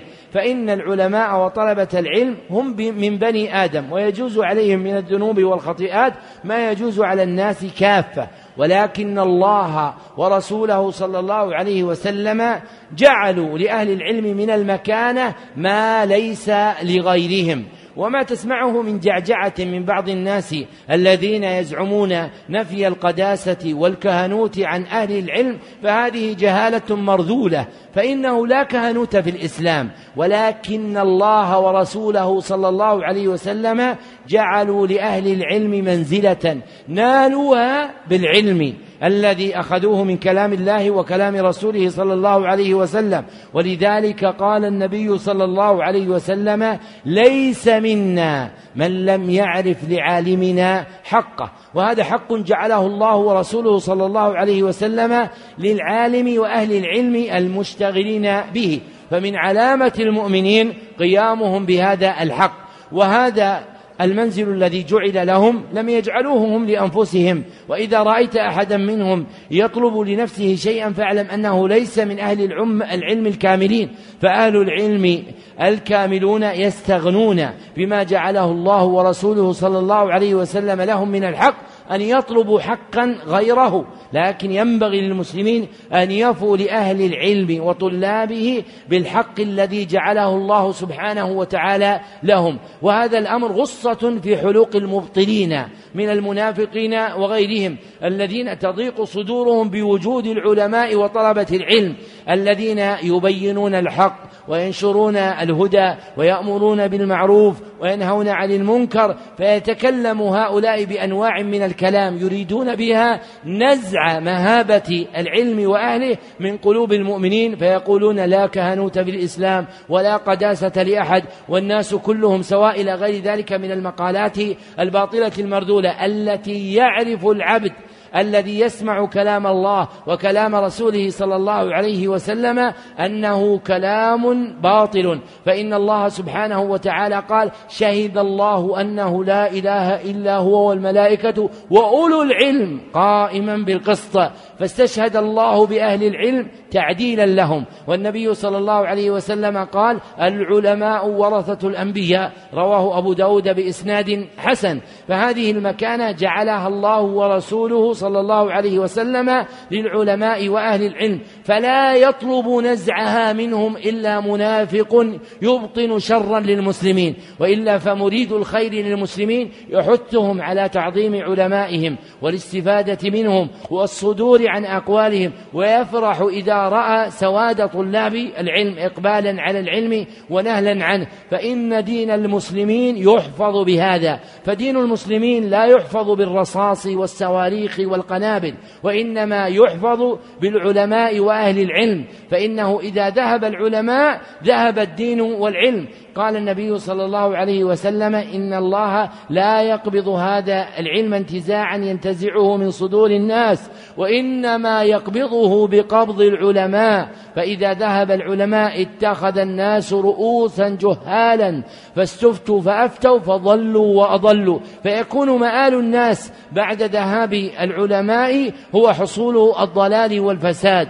وقال الزهري وهو أحد كبار التابعين كان من مضى من علمائنا يعني من الصحابة وكبار التابعين يقولون الإعتصام بالسنة نجاة والعلم يقبض قبضا سريعا فثبات العلم فنعش العلم ثبات الدين والدنيا وذهاب العلم ذهاب ذلك كله. واعتبر هذا في كل بلد. فكل بلد تراه اليوم من بلاد المسلمين هو بسوء حال كان قبل في خير حال لأنه كان العلم فيهم منشورا والدين منصورا والعلماء متكاثرون وطلبة العلم جادون في أخذه. فلما ضعف هذا الأمر فيهم قل الخير فيهم ولو قدر أنهم صاروا في حال أحسن من المباني والمراكب وغير ذلك من أحوال الدنيا. لكن حصل لهم من النقص والشر والاختلاف والفرقة والتنازع ثم ضيق الحال. وسلب كثير من صلاح الحال عنهم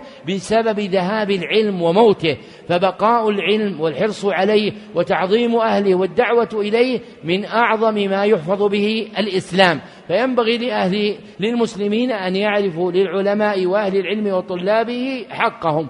ومن هذا الجنس ما ذكره المصنف رحمه الله تعالى في قوله خصوصا ما يصدر من من رؤساء الدين والعلماء وطلبة العلم الذين لهم الحق الأكبر على جميع المسلمين بما قاموا به من علم الشرع وتعليمه الذين لولاهم ما عرف الناس أمر دينهم ومعاملاتهم فلولاهم لم يعرفوا كيف يصلون ويزكون ويصومون ويحجون بل لا يعرفون يبيعون ويشترون بل لولاهم لكان الناس كالبهائم لا يعرفون يعرفون معروفا ولا ينكرون منكرا ولا عرفوا حلالا ولا حراما. ثم قال فالواجب على المسلمين احترامهم وكف الشر عنهم وقطع وقمع من يريدهم بأذى والتغاضي عما عما يصدر منهم بستره وعدم نشره لأن نشره فساد عريض.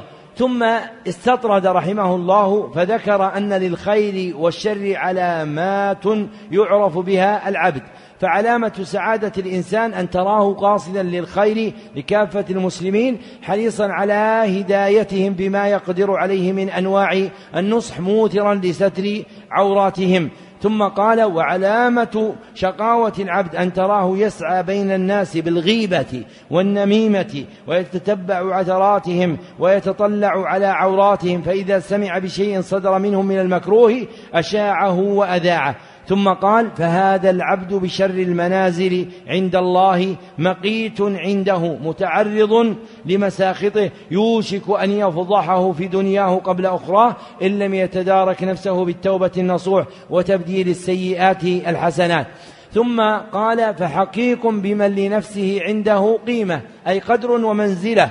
أن يربأ بها عن هذه الخصلة الدميمة أي من تتبع العورات ونشرها. قال ويتأمل معنى قوله صلى الله عليه وسلم ويتأمل معنى قوله صلى الله عليه وسلم من ستر مسلما ستره الله في الدنيا والآخرة وقوله صلى الله عليه وسلم يا معشر من آمن بلسانه ولم يدخل الإيمان في قلبه لا تؤذوا المسلمين ولا تتبعوا عوراتهم فإنه من يتبع عورة أخيه يتبع الله عورته ومن يتبع الله عورته يفضح ولو في جوف بيته وأعظم الفضيحة أن يفضح العبد على رؤوس الأشهاد.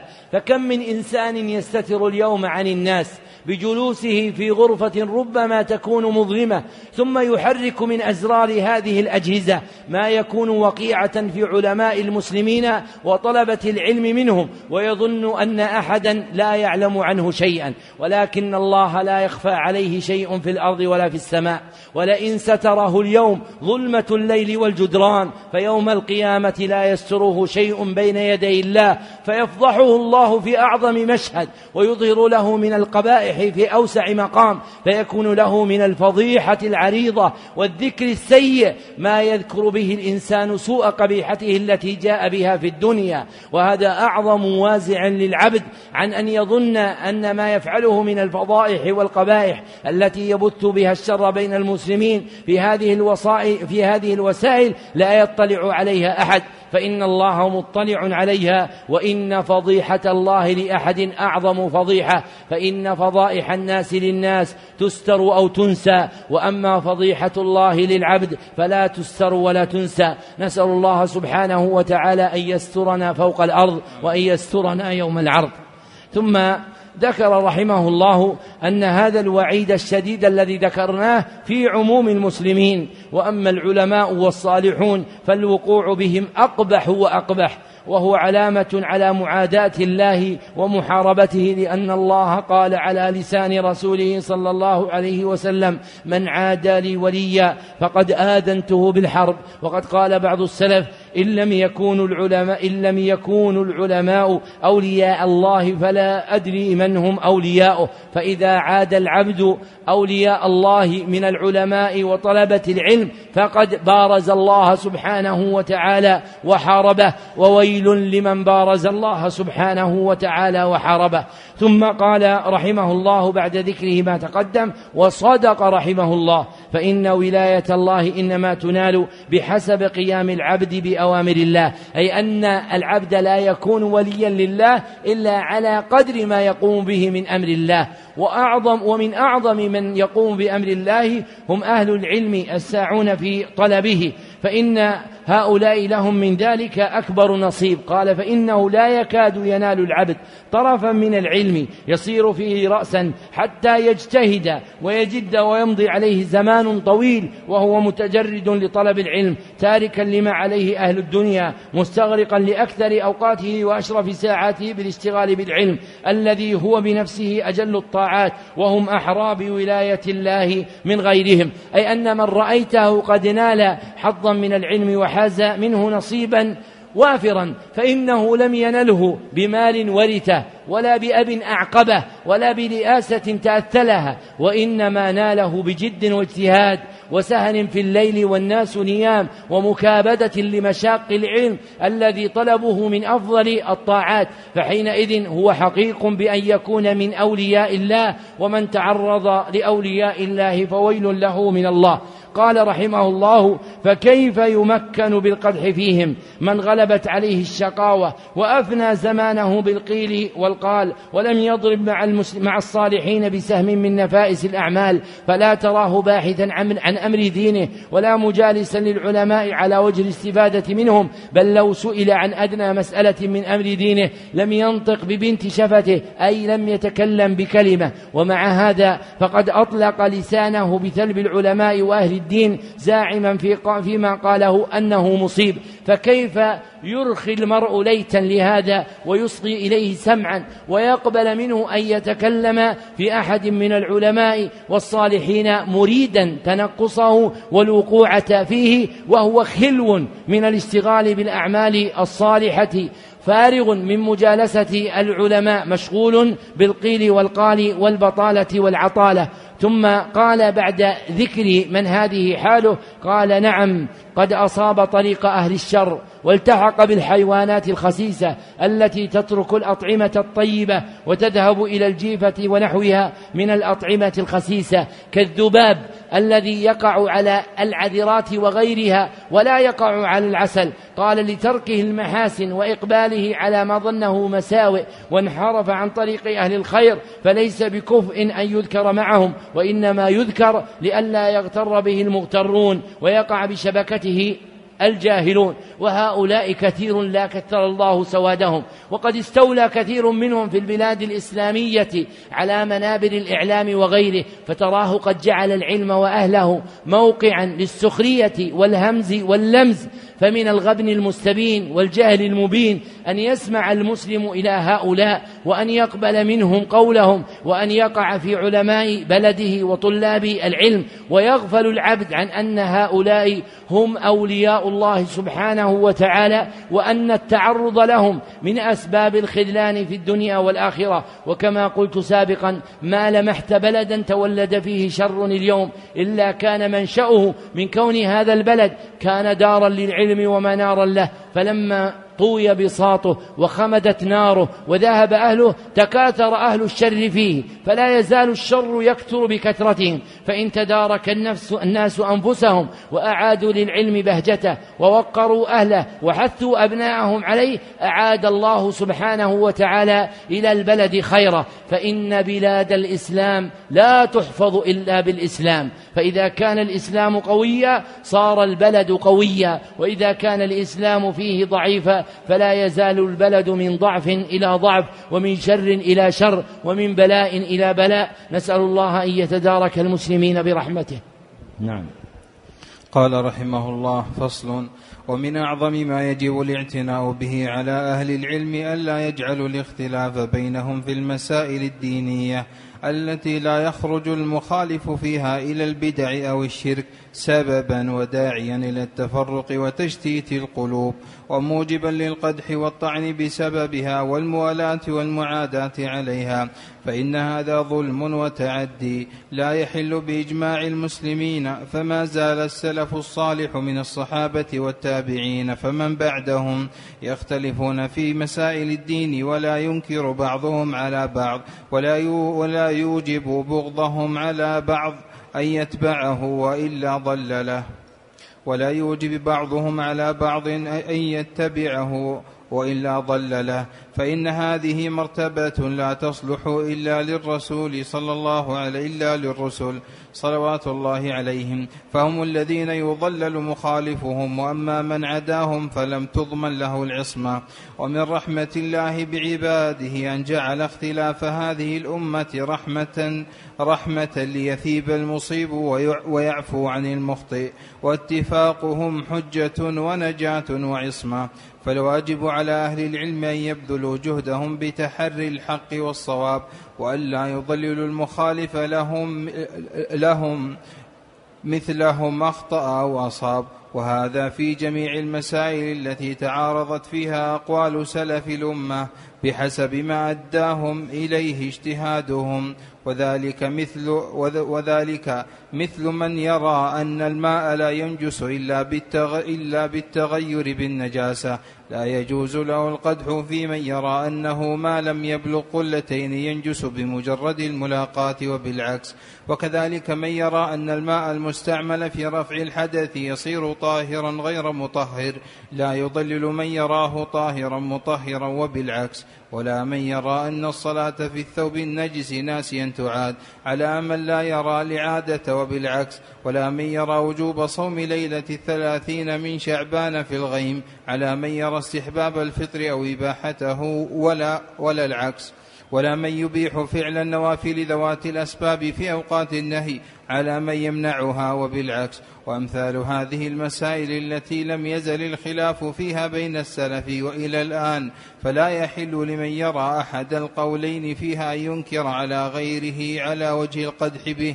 فإن هذا ظلم لا يجوز. بل وظيفة أهل العلم في مثل هذه المسائل الخلافية أن يبينوا ما يرون أنه أنه الصحيح بحسب قدرتهم بالدليل الشرعي الذي هو الكتاب والسنة والإجماع والاعتبار بالقياس والحكم بضعف القول الآخر بالدليل الشرعي وأن يردعوا من جعل هذا الخلاف سلما للاختلاف لأنه لأنه بعيد عن الإنصاف. نعم إن ظهر من أحد من أهل العلم مخالفة مخالفة بينة لدليل شرعي صريح فإنه يجب نصحه ويبين له الدليل الشرعي بأقرب الطرق ولا يجعل تأنيب ولا يجعل تأنيبه أو غيبته في المجالس بدلا من نصحه فليست فليست هذه طريقة أهل الإنصاف بل طريقتهم النصيحة سرا وعدم إشاعة الفاحشة. وبالجملة فالواجب على أهل العلم وغيرهم السعي في معرفة الحق والاجتهاد في تنفيذه والعمل به والتعاون على ذلك. وأن يحب أحدهم لأخيه ما يحب لنفسه سواء وافقه أو خالفه. فكما أنه إذا وقع منه خطأ وزلل لم يحب اطلاع أحد عليه بل يحرص على ستر نفسه فكذلك ينبغي أن ينزل أخاه منه بهذه المنزلة. وأن يحمل ما يصدر منه على أحسن على أحسن محمل فإن الجزاء من جنس العمل فمن كان عمله مع إخوانه هكذا ستره ستر الله عليه بأسباب يعلمها وأسباب لا يعلمها. سترا لا يحصل لمن لم يكن بهذه المثابة فكما وأسباب لا يعلمها. أحسن الله عليك. وأسباب وأسباب لا يعلمها وأسباب لا يعلم ستر الله عليه بأسباب يعلمها وأسباب لا يعلمها. سترا لا يحصل لمن لم يكن بهذه المثابة. فكما تدين تدان جزاء وفاقا. فنسأل الله تعالى يوفقنا وإخواننا المسلمين لما يحبه ويرضاه وأن يصلح أحوال المسلمين ويؤلف بين قلوبهم ويهديهم سبل السلام. والحمد لله رب العالمين وصلى الله على محمد وسلم. لما فرغ المصنف رحمه الله من أمر عامة المسلمين بما ينبغي عليهم في حق العلماء وطلاب العلم رجع إلى بيان ما يجب أن يكون عليه أهل العلم علماء وطلابا بينهم. فقال ومن أعظم ما يجب الاعتناء به على أهل العلم أن لا يجعلوا الاختلاف بينهم في المسائل الدينية التي لا يخرج المخالف فيها إلى البدع أو الشرك سببا وداعيا إلى التفرق وتشتيت القلوب وموجبا للقدح والطعن بسببها والموالاة والمعاداة عليها. فإنما سبق بيانه من الكلام مما يتعلق بالاختلاف والتفرق ما دام في دائرة الإسلام والسنة. أما إن خرج عنها إلى البدعة والشرك فالأمر كما ذكر المصنف أن القول فيه قول آخر فإنه يعذر بعضهم بعضا ما دام ذلك دائرا بين الأدلة المحتملة المختلفة في أمر هو من الإسلام والسنة. أما إن كان المخالف يفضي إلى المخالفة في أمر يقع فيه ببدعة أو شرك فالأمر أمر آخر فإن الواقع في الشرك والبدعة ينكر عليه أبلغ النكير ويحذر منه أشد التحذير حسما لشره ومنعا لبلائه في المسلمين. فذكر أن الاختلاف في المسائل التي تقبل الاختلاف مما يدور في دائرة الإسلام والسنة لا ينبغي أن تكون موجبة إلى التفرق والاختلاف وتشتيت المؤمنين ونزاعهم وخصوفتهم. قال فما زال السلف الصالح من الصحابة والتابعين فمن بعدهم يختلفون في مسائل الدين ولا ينكر بعضهم بعضا ولا يوجب على بعض أن يتبعه ولا ضلله ومعنى قوله ولا ينكر بعضهم على بعض يعني أنه لا يعده منكرا. أما رد قوله فالأمر كما قال الإمام أحمد لم يزل الناس يخطئ بعضهم بعضا. فالتنازع في المسائل العلمية بالاختلاف فيها مما جرى عليه خلاف أهل العلم لكنهم يلزمون في ذلك الأمر الجامع الذي ذكره ابن رجب بأيسر مقال وهو إصابة الجواب وحسن الخطاب. فيتصف العبد بأن يكون مصيبا في كلامه الذي يقول وأن يتأدب في خطابه لغيره من أهل العلم. ثم قال فالواجب على أهل العلم أن يبذلوا جهدهم بتحري الحق والصواب ألا يضللوا المخالف لهم مثلهم أخطأ أو أصاب. قال وهذا في جميع المسائل التي تعارضت فيها أقوال سلف الأمة بحسب ما أداهم إليه اجتهادهم. فالناس مختلفون في مسائل من العلم لاختلاف منتهى اجتهادهم بما أدركوا من أدلة الكتاب والسنة والإجماع والقياس. كالمسائل المسائل التي ذكرها المصنف في كتاب الطهارة. ثم قال بعدها وأمثال هذه المسائل التي لم يزل الخلاف فيها بين السلف وإلى الآن. فلا يحل لمن يرى أحد القولين فيها أن ينكر على غيره على وجه القدح به لا على وجه بيان مخالفته في قوله. قال فإن هذا ظلم لا يجوز. ثم ذكر وظيفة أهل العلم فقال بل وظيفة أهل العلم في مثل هذه المسائل الخلافية أن يبينوا ما يرون أنه الصحيح بحسب قدرتهم بالدليل الشرعي وأن يردع من من جعل هذا الخلاف سلما للاختلاف لأنه بعيد عن الإنصاف. فالمسائل الخلافية في دائرة الإسلام والسنة ليست لواء ينصب عليه الموالاة والمعاداة. فمن قال بهذا القول فهو معي ومن قال بذلك القول فليس معي. بل قال من قال في هذا القول فأنا له ولي ومن قال بهذا القول فأنا له ولي. فأولئك الفقهاء الذين يرون أن أكل لحم الجزور ينقض الوضوء هم أولياء لي كما أن أولئك الذين لا يرون أنه ينقض الوضوء هم أولياء لي فأولئك قالوا بدليل وهؤلاء قالوا بدليل وكلهم مجتهد طالب إصابة الحق. ثم قال نعم إن ظهر من أحد من أهل العلم مخالفة بينة لدليل شرعي صريح فإنه يجب نصحه ويبين له الدليل الشرعي بأقرب الطرق. يعني بأوضحها وأجلاها ابتغاء رجوعه إلى الحق لا ابتغاء الظهور عليه. قال ولا يجعل تأنيبه أو غيبته في المجالس بدلا من نصحه أي أن يكون لحمه مشاعا بالوقيعة فيه غيبة ونميمة. قال فليست هذه طريقة أهل الإنصاف بل طريقتهم النصيحة سرا وعدم إشاعة الفاحشة أي طريقتهم في الرد على من خالف الدليل الصريح من أهل العلم أن يسعوا بنصحه بالسبيل المؤدية إلى ذلك. وأمثلها النصيحة له سرا ولا تلزم. بل قد ينصح له علانية إذا أخطأ علانية. لكن إذا كان يرجى رجوعه عن تلك المقالات فأحرى لإدامة قلوب المسلمين على الوئام أن يسعى في ذلك سرا ليرجع عنه. ولو أظهر الرد عليه في قالب الأدب مع حسن الخطاب لم يكن ذلك مذموما فلم يزل الناس على ذلك. ثم قال وبالجملة فالواجب على أهل العلم وغيرهم السعي في معرفة الحق والاجتهاد في تنفيذه والعمل به والتعاون على ذلك. وأن يحب أحدهم لأخيه ما يحب لنفسه سواء وافقه أو خالفه. فينبغي للعبد في كل حال أن ينزل نفسه منزلة غيره. كما قال النبي صلى الله عليه وسلم فمن كان يؤمن بالله فمن كان يؤمن بالله واليوم الآخر فلتأته منيته وهو على ذلك وليأتي إلى الناس الذي يحب أن يؤتى إليه. يعني ليعامل الناس بالذي يحب أن يعامله الناس به. وهذا ميزان العدل في معاملة العبد غيره.